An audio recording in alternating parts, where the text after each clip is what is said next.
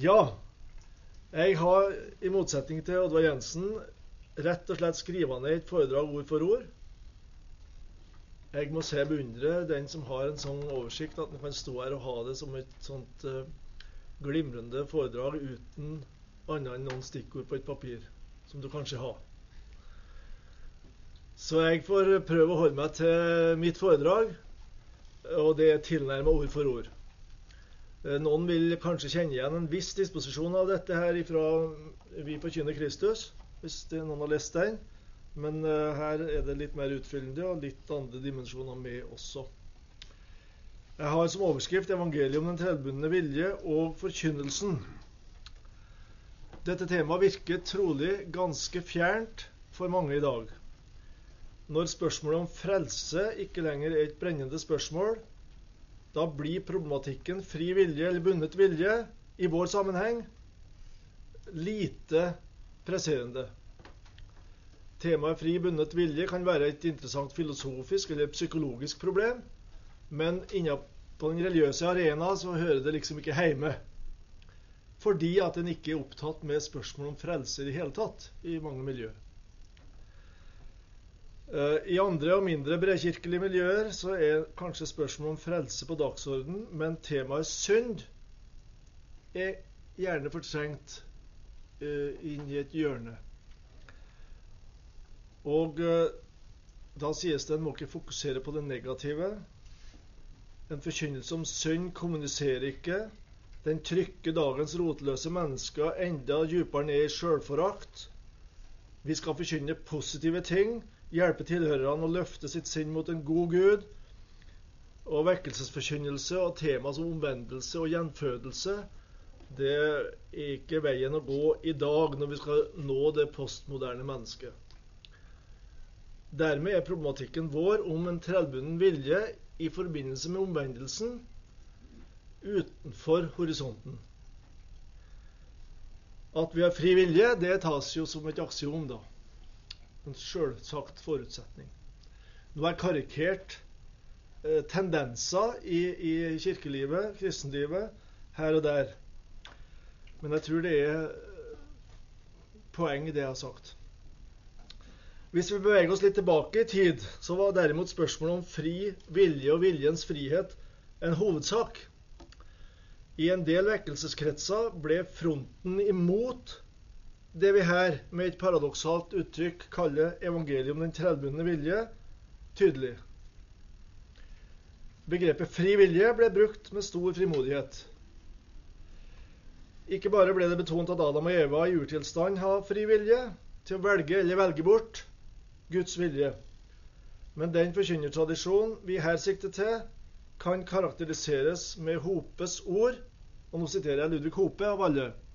Slagkrafta i denne forkynninga var et direkte trykk på viljen og kjenslelivet.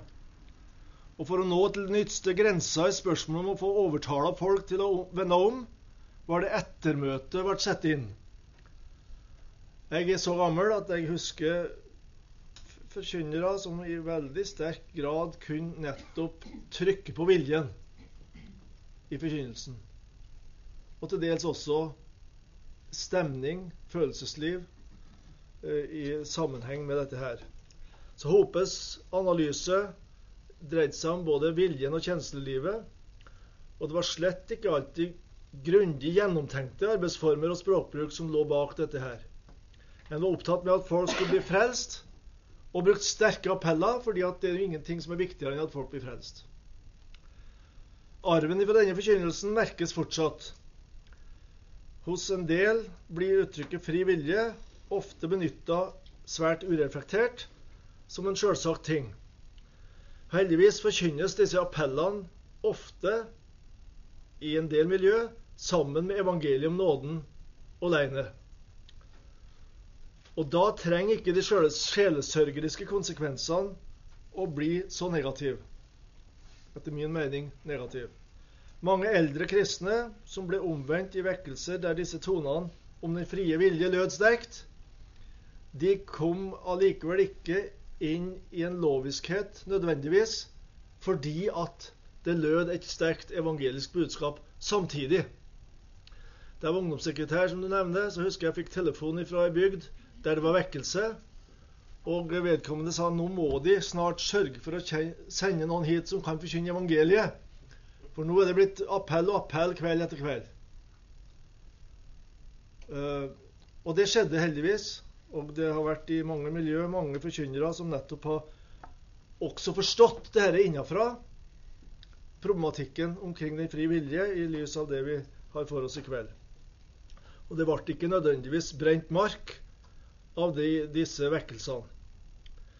Og Likevel så er spørsmålet vitalt for alle som er opptatt med forkynnelse, vitnetjeneste, sjelevinnerarbeid, evangelisering.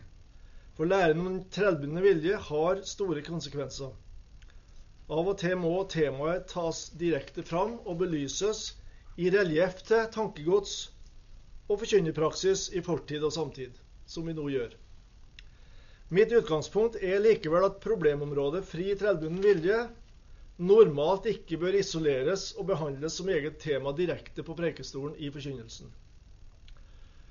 Derimot er det viktig at alle som har forkynner- og sjelesorgansvar, arbeider seg inn i temaet så langt at en ser poenget som komiteen her ønsker å uttrykke med formuleringen 'evangeliet om den trellbundne vilje', som eh, Jonstad sa er et paradoks.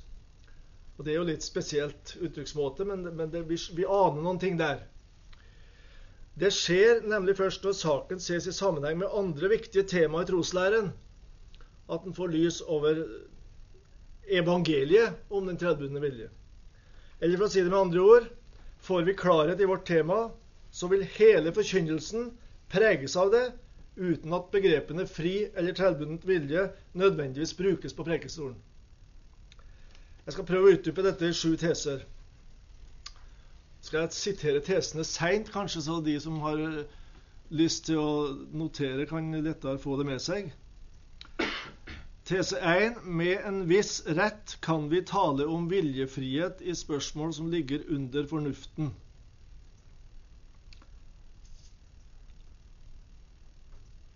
Men sann gudsfrykt og tro kan bare skapes ved Den hellige ånd.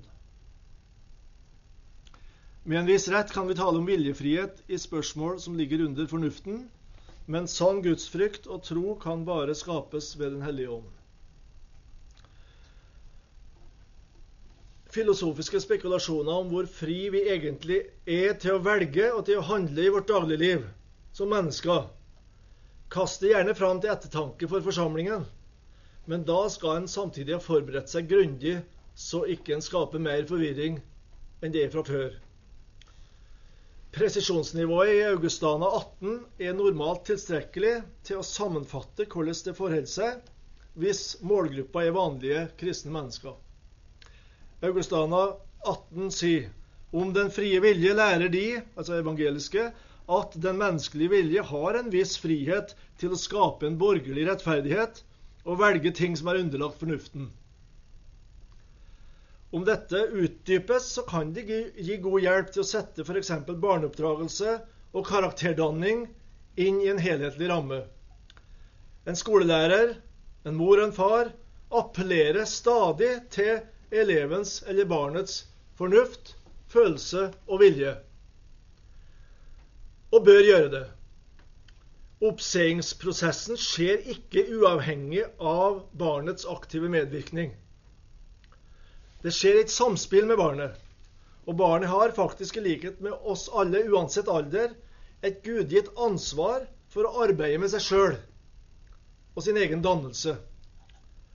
Målet er å fremme det Augustana kaller den borgerlige rettferdighet. God oppførsel, rettskaffende holdninger på det horisontale plan. Vi må kunne appellere til folks evne til å bestemme seg for alternativer og gjøre konstruktive valg i sitt personlige liv. Folk har rett til å forvente det av oss, at vi gjør det. Både skiløpere som Gunnar Jonstad og andre vet at det er mulig å øve opp sin egen viljestyrke, så lenge vi holder oss innenfor den rammen vi er i nå, og evne til utholdenhet. Luther sa riktignok en gang at vi ikke kan røre en finger eller tenke en tanke uten at Gud virker det, jf. foredraget vi hørte i stad. Augustana 18 bruker derfor sannsynligvis bevisst denne litt mildere formuleringen 'en viss frihet'. Eh, både, for både teologisk og filosofisk reiser det seg en hel del spørsmål når det gjelder friheten, også på det borgerlige plan. Den er jo faktisk veldig begrensa. Vi kan ikke gjøre alt hva vi vil. Og vi vil ikke alt hva vi burde og ville. Heller ikke på det rent menneskelige plan. Og her hører også arvesynslæren med i bildet. Men ifølge tesen når det gjelder den åndelige rettferdighet, rettferdigheten for Gud, så kan vi derimot ikke bidra med noe. Der er viljen basta og bundet til vi blir gjenfødt. Og for så vidt det dreier seg om kjødet, vår gamle natur, så gjelder denne bundethet også etter gjenfødelsen. Heggelund gir i boka 'De homine' en enkel oversikt over de begrensninger i viljefriheten som gir seg av reformatorene sine skrifter. Og Nå skal vi føre videre litt av det i de neste tesene. Tese 2. Læren om den trellbundne vilje hører sammen med læren om arvesynden. Den var kort. Hører sammen med læren om arvesynden. Vår bekjennelse sier at vi blir født med synd, Dvs. Si uten frykt for Gud, uten tillit til Gud og med ondt begjær. Augustana 2. Denne arvelige syndighet er dessverre neglisjert eller benekta i store deler av kirkelivet i dag. Når fokus så sterkt er på skapt i Guds bilde eh, Nå er fokus så sterkt på skapt i Guds bilde at syndefallsrealiteten bare glimtvis dukker opp. Jeg setter kanskje også her litt på spissen for at de skal få tenke gjennom dette her. Noen har påpekt at denne svakheten også finnes hos de mer konservative i Kirkens lærenemnd i denne utredningen om homofilispørsmålet, jf. Uh, Uff, nå glapp navnet. I Luthers kirketidende kan de finne det. Arvesynslæren må nå for alvor hentes fram igjen. Og det må ikke skje at Kirkens liturgi nedtoner denne læren i, syns, uh, i synsbekjennelse, i bønner, kollektbønner osv. For da står den lutherske kirkes identitet for fall. Her skal det ikke råde forsiktighet, men frimodig bekjennelse. Arvesynda er en slik fordervelse av menneskenaturen at ingen kan forstå det, men må tro det ut fra Skriftens åpenbaring, sier reformatorene. Og skal det bli trodd, må det bli forkynt. Paulus forkynte dette med stor kraft. Vi har hørt før Efesene 2,1. Også dere har han gjort levende, dere som var døde ved deres overtredelser og synder. Så kommer neste vers. I disse vandret dere før på denne verdens vis, etter høvdingen over luftens makter, det er djevelen, den ånd som nå er virksom i vantroens barn. Også vi vandret, blant, alle blant dem, i vårt kjøds lyster, og vi gjorde kjødets og tankenes vilje. Merk at djevelens innflytelse og kjødet og tankenes vilje det, det flyter som en eneste stor strøm. En opplever ikke kanskje det frustrerende med djevelen fordi at den har et kjød og tanker som er i takt med høvdingen over luftens makter. Her er det ikke mye rom for valgfrihet i åndelige saker. La oss ta et bilde. Ei elv kan sno seg i mange retninger. Det er ikke alltid klart om hovedretningen er sør eller nord. Yangtze-floden i Kina et sånt eksempel. Det går sånn over store områder. Men likevel så renner elva mot havet. Slik er det med vår innerste vilje i saker som angår vårt gudsforhold. Selv om det kan synes som retningen går både hit og dit, så er likevel fiendskapet mot Gud det grunnleggende i, i den. Kjødets attrå er jo fiendskap mot Gud, for det er ikke Guds lov lydig og kan heller ikke være det. Romerne 8,7. Veldig provoserende utsagn i, i, eh, humanistisk tid. Hvis det er slik, da kan vi heller ikke heller bare bestemme oss for å tro. Arvesynda gjennomforderver alle våre sjelsevner, for så vidt angår vårt gudsforhold. Læren om den trellbundne vilje er ikke annet enn arvesynslæren anvendt på omvendelsesteologien, er det sagt.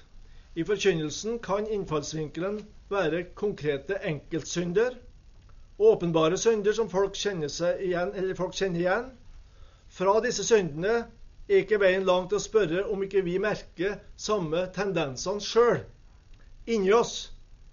Kjenner vi ikke, når det kommer til stykket, slektskapet med grove forbrytere? Eller er vi ukjent med hevngjerrigheten, utoktstanker, storhetstanker, syndig begjær etter andres goder, lyst til å sverte konkurrenter, likegyldighet i forhold til Guds bud osv.? Alt dette er i slekt med de synder som vi ser omtalt på forsidene i avisene. Og det er av samme art. Vi havner på samme nivå, så å si, prinsipielt. Et ord sagt for å krenke et medmenneske er brudd på budet om ikke å slå i hjel. Det sa Jesus. Og det gjør oss skyldige til helvetes ild, Matteus 5, 21. I kirka så sier vi at vi har krenket deg i tanker, ord og gjerninger, og kjenner lysten til det onde i mitt hjerte. Denne konkretiseringen av syndige holdninger blir så linken til sjølve arvesynslæren.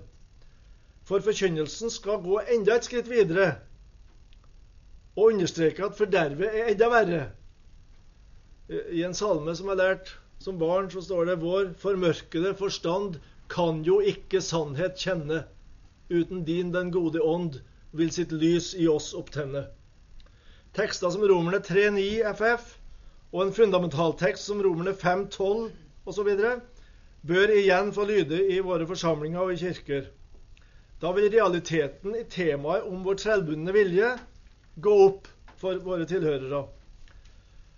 Melanchthon sa det sånn når det gjelder de onde, er viljen altfor fri. Nettopp for å understreke trellbundetheten. Og det kan folk i tunge stunder faktisk erfare. Og så vil vi oppleve at når vi er sterkest på forkynnelsen om synd og arvesynd, så sitter folk og kjenner seg igjen. Og tenker 'endelig er det noen som forstår meg'. Jeg har lagt merke til at sangen 'Ser du det svart og urein' faktisk kan gi gjenkjennelse hos nokså unge tilhørere, om en bare vil gå inn på uttrykkene og konkretisere dem. At det da blir et rop i hjertet Hva nå? Det skal ikke undre oss. Det ropet besvares nå i, når vi understreker neste tese, tese 3. Læren om den trellbundne vilje hører sammen med læren om nåden alene.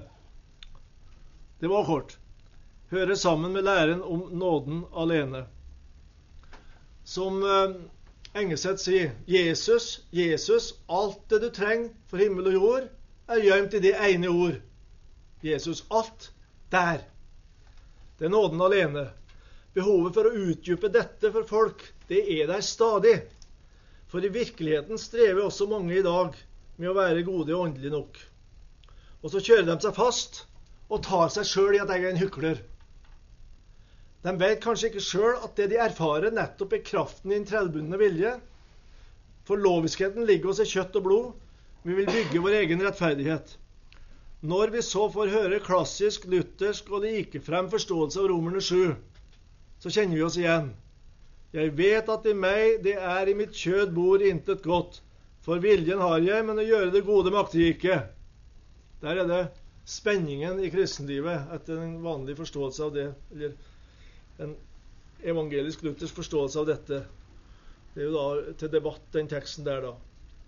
Men inn i denne erfaringen er det evangeliet om nåden alene tar tak.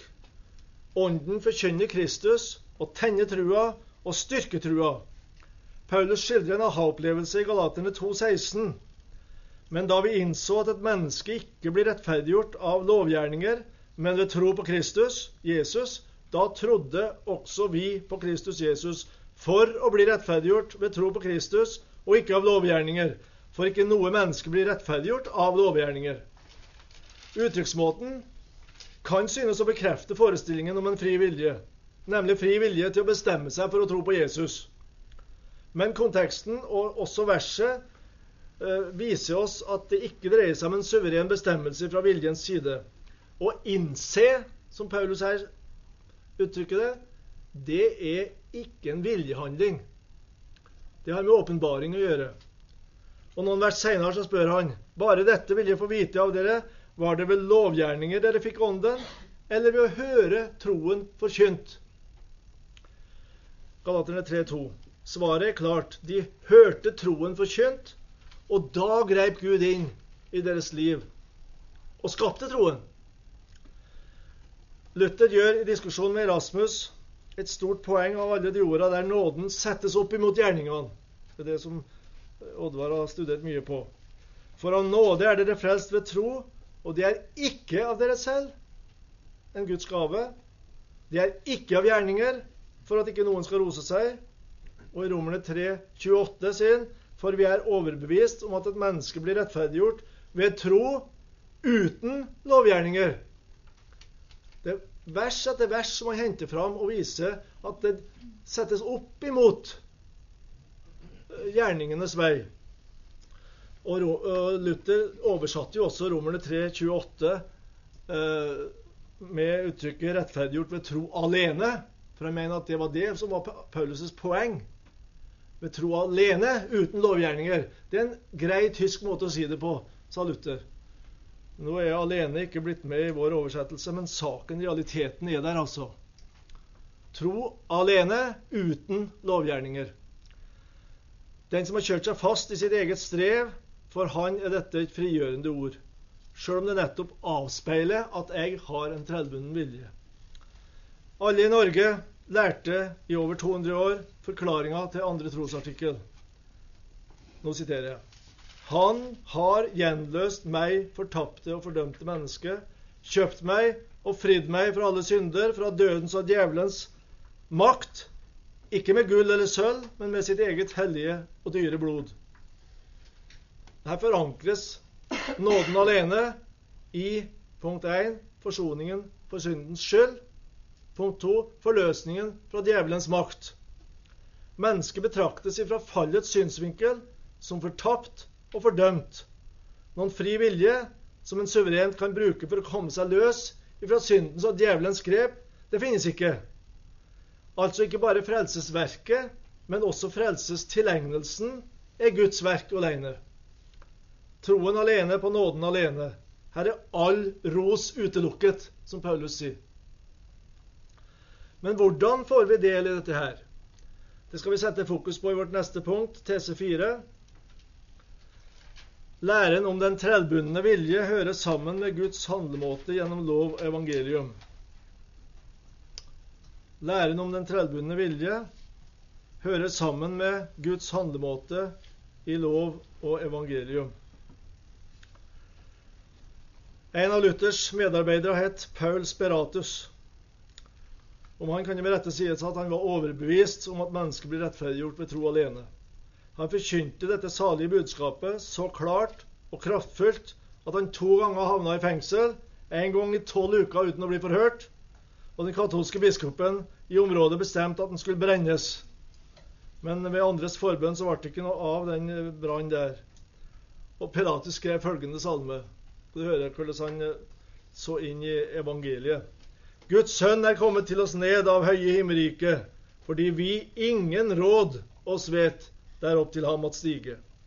Vår gjerning ei rettferdiggjør, men Kristus kommer, lider, dør. Han har oss himmelen vunnet. Ved loven vorder synden kjent, den hjertet sønderstøter, men nåden kommer, himmelsendt, og leger sår som bløder. Det salmen ble av motstanderne kalt en luthersk skomakersang, en som en sekkpiper eller skomaker har laget. Men det var ikke så lett å komme forbi sånne salmer. Salmene betydde kolossalt mye i reformasjonstida. De sang av full hals, de har erfart lovens dom i samvittigheten, og de har fått høre evangeliet. Merk uttrykksmåten 'vi ingen råd oss vet'. Alt avhenger av Guds nåde. Gud handler med oss gjennom lov og evangelium, slik at vi ser hvordan det egentlig forholder seg. I loven møter vi Gud slik han er, når han ikke er ikledd Kristus. Sånn som Gud er altså når Gud ikke er ikledd Kristus. Da er det bare dom og vrede når han møter meg som en synder. I evangeliet om Jesus møter Gud oss i Kristus med sin ufattelige barmhjertighet mot synderen. Den som er helt uten erfaring av syndens makt, vil ikke så lett skjønne evangeliet.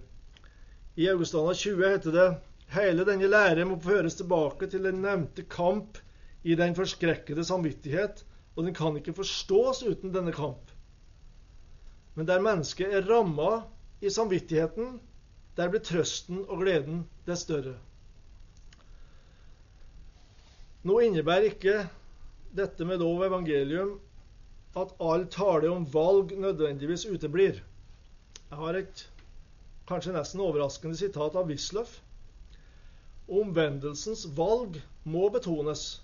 Sjelen må stilles overfor den sannhet at Guds vrede blir over den som ikke vil, vil tro Sønnen. Men verk hvordan Wisløff utdyper dette, og det gjør han i lys av lov og evangelium.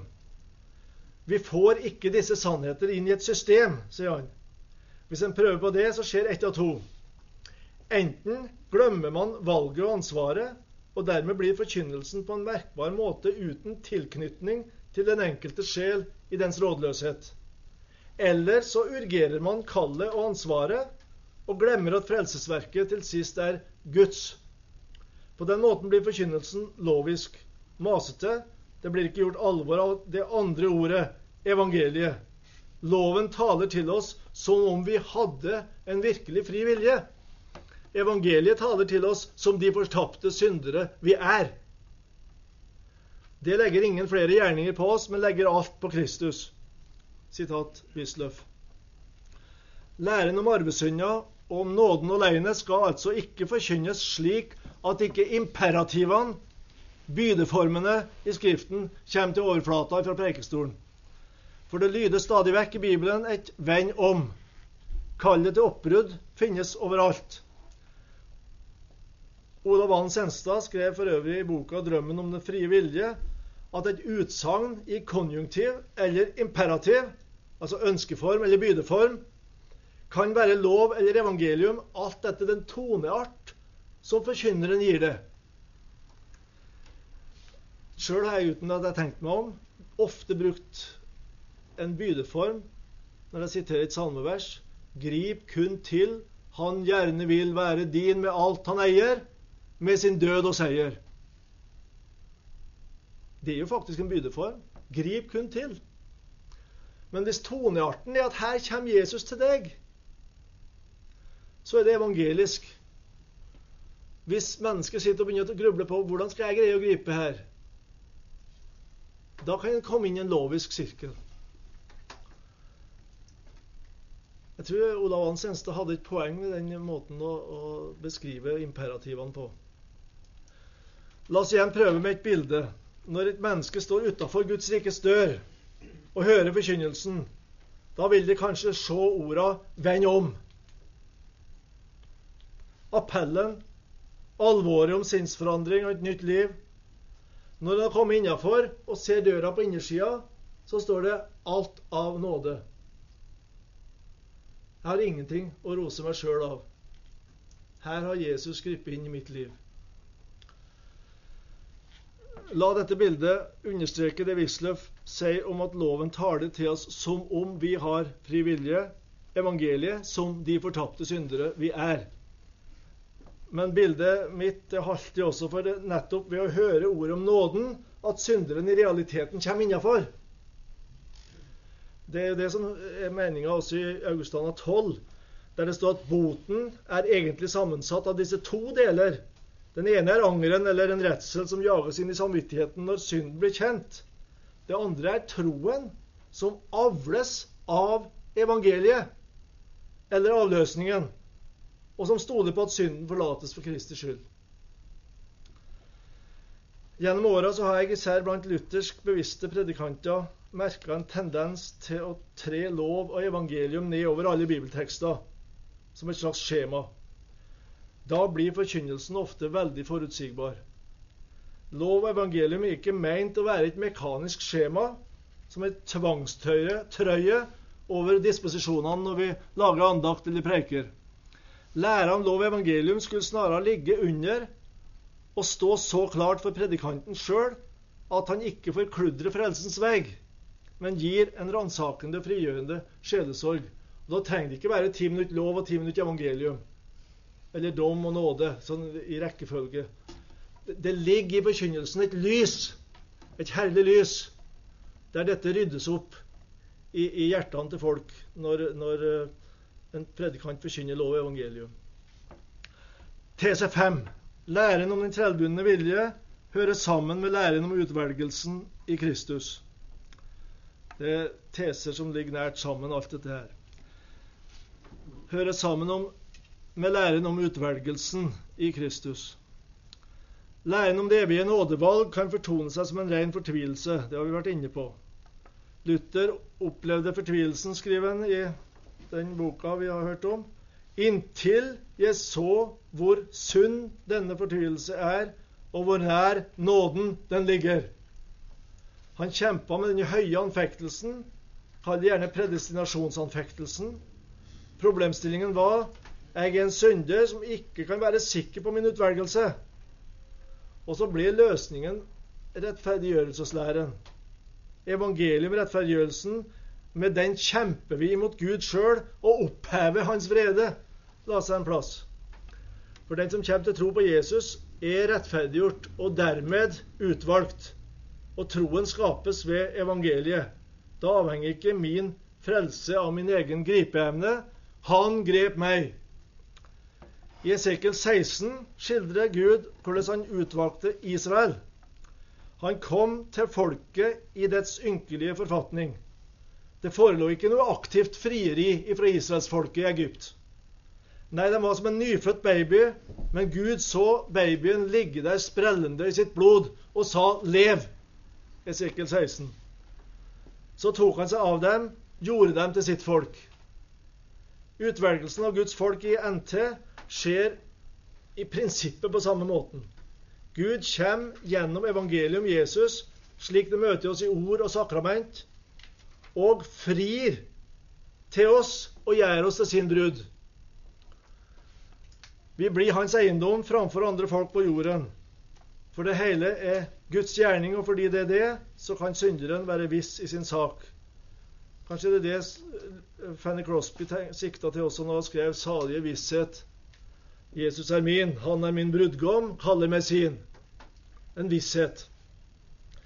Vi har da tilsvarende i andre kor 11, der Paulus sier om sin oppgave som forkynner Jeg er nidkjær for dere med Guds nidkjærhet. Jeg har jo trolovet dere med én mann for å fremstille en ren jomfru for Kristus. Gjennom det apostoliske budskapet kom Jesus sjøl og tok dem til sine egne. Forskjellen i forhold til GT er at budskapet om Jesus skal forkynnes til alle. For Gud har en universell frelsesvilje, som Oddeberg her understreka så sterkt. Den er utgangspunktet for forkynnelsen, vitnetjenesten og misjon. Gud mener sitt kall alvorlig. Jesus vil ha alle. Ikke én så ussel er at ei Jesus har han kjær. Og da han døde, så døde han for alle, og oppsto for alle, ikke bare for noen få. Men så skal samtidig evangeliet lyde på en sånn måte at Jesus alene får æren også for frelsestilegnelsen. Han grep meg, han grep meg, mitt liv nå helt forvandlet her. En, en sang som var brukt mye når jeg var yngre. Enda yngre.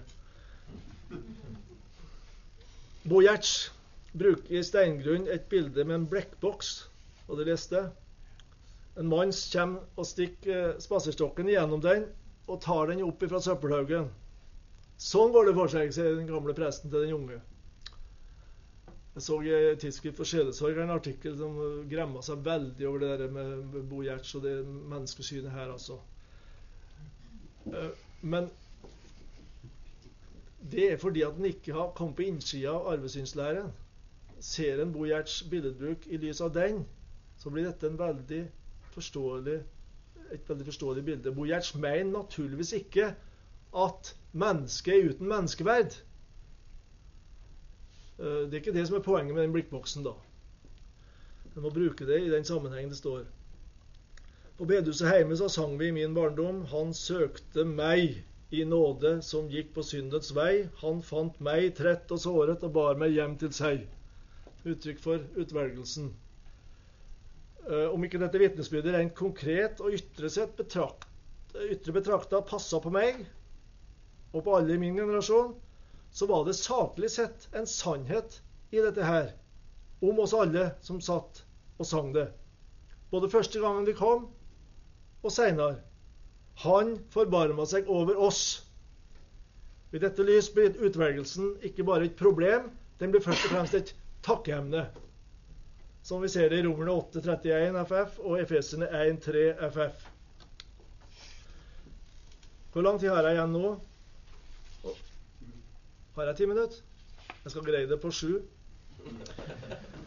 Tese 6. Læren om den trellbundne vilje hører sammen med læren om Den hellige ånd. Dette har vi allerede understreka, men vier det her en spesiell oppmerksomhet. Tredje trosartikkels forklaring. Jeg tror at jeg ikke av egen fornuft eller kraft kan tro på Jesus Kristus, min Herre, eller komme til ham, men Den hellige ånd har kalt meg ved evangeliet, opplyst meg ved sine gaver, helliggjort meg og bevart meg i den rette tro.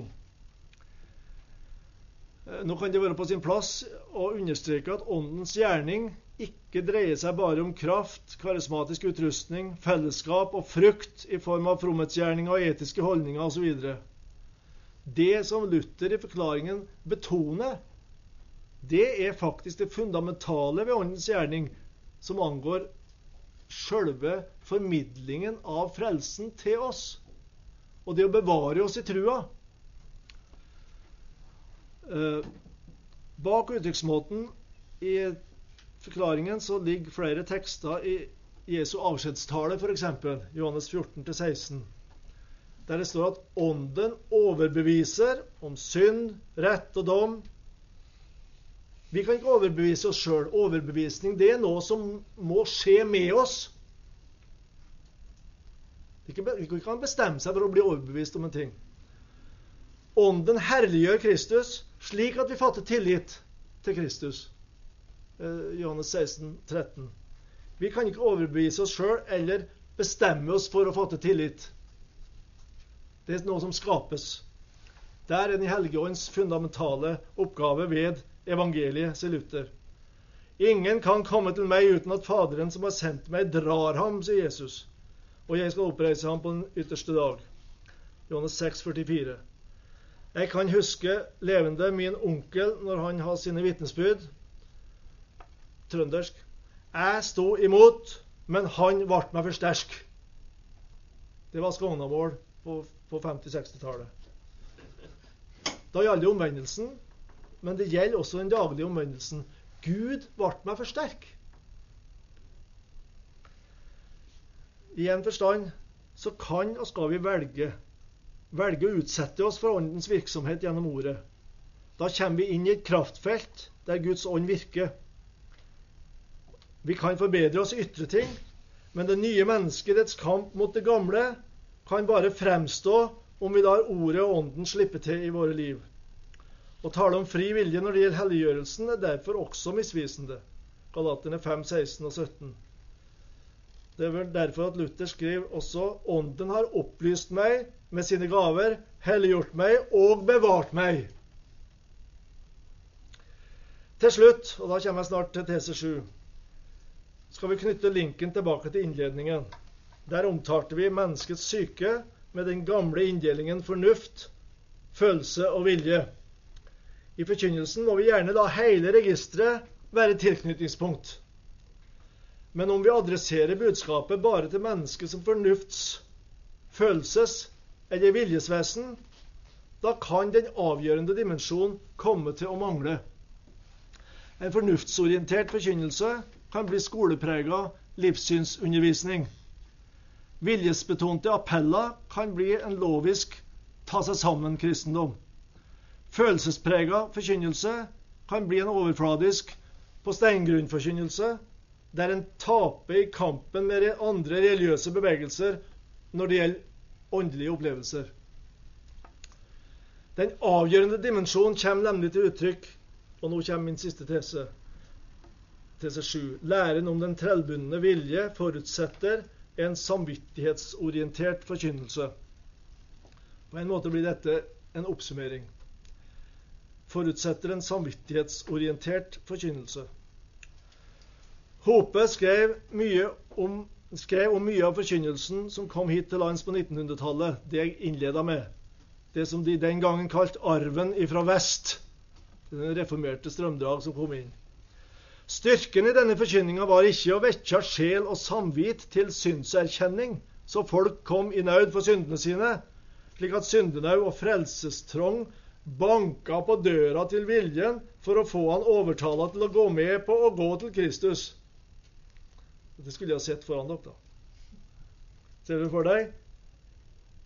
Dette er jo antagelig Hopes eget ideal. da. Syndenød og frelsestrong banker på døra til viljen for å få viljen overtalt til å gå til Kristus. En original måte å si det på.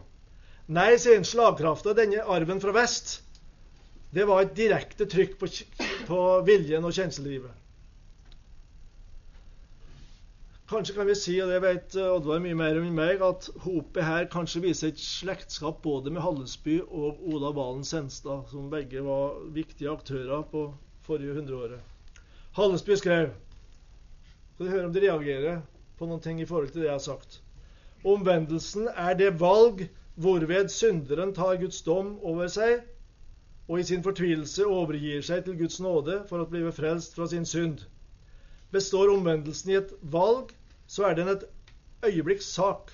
Til valget må ifølge sitt vesen skje i et øyeblikk. Og er den vakte overbevist om at Kristus både vil og kan frelse, så eier han dog ennå ikke troen i Bibels mening. Det er viljen hos den vakte som her må tre til. Det var Hallesby. Her merker vi den religionspsykologiske betraktning som prega en del av Hallesbys teologi. En kan ikke uten videre se at dette så lett lar seg forene med Concordie-formulens uttrykksmåter. Olav Hans Enstad sin posisjon kommer til uttrykk i dette sitatet. Omvendelse og tro er overhodet ikke noen viljesak i det hele tatt.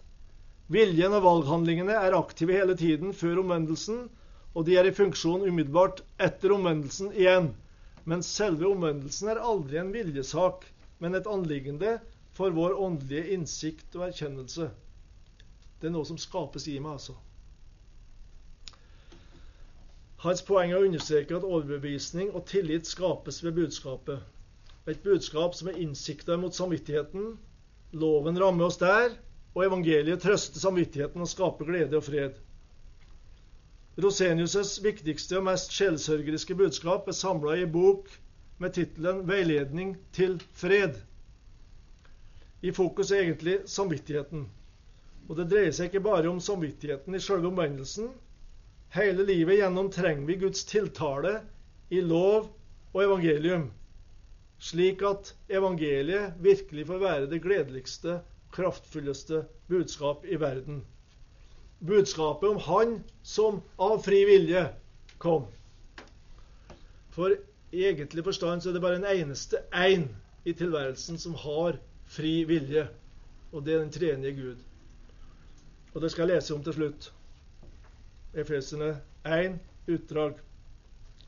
I kjærlighet har Han forutbestemt oss til å få barnekår hos seg ved Jesus Kristus etter sin viljes frie råd.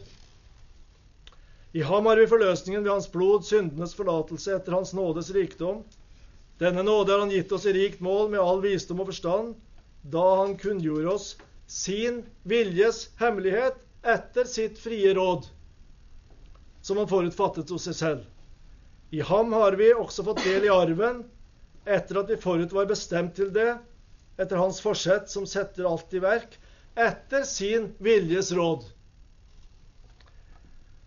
Når jeg oppdager at min frie vilje dypest sett er en illusjon, da er det uendelig godt å høre om at Gud av fri vilje kommer meg i møte og tar meg til sin egen. Ham være æren. Amen. Det var slutten.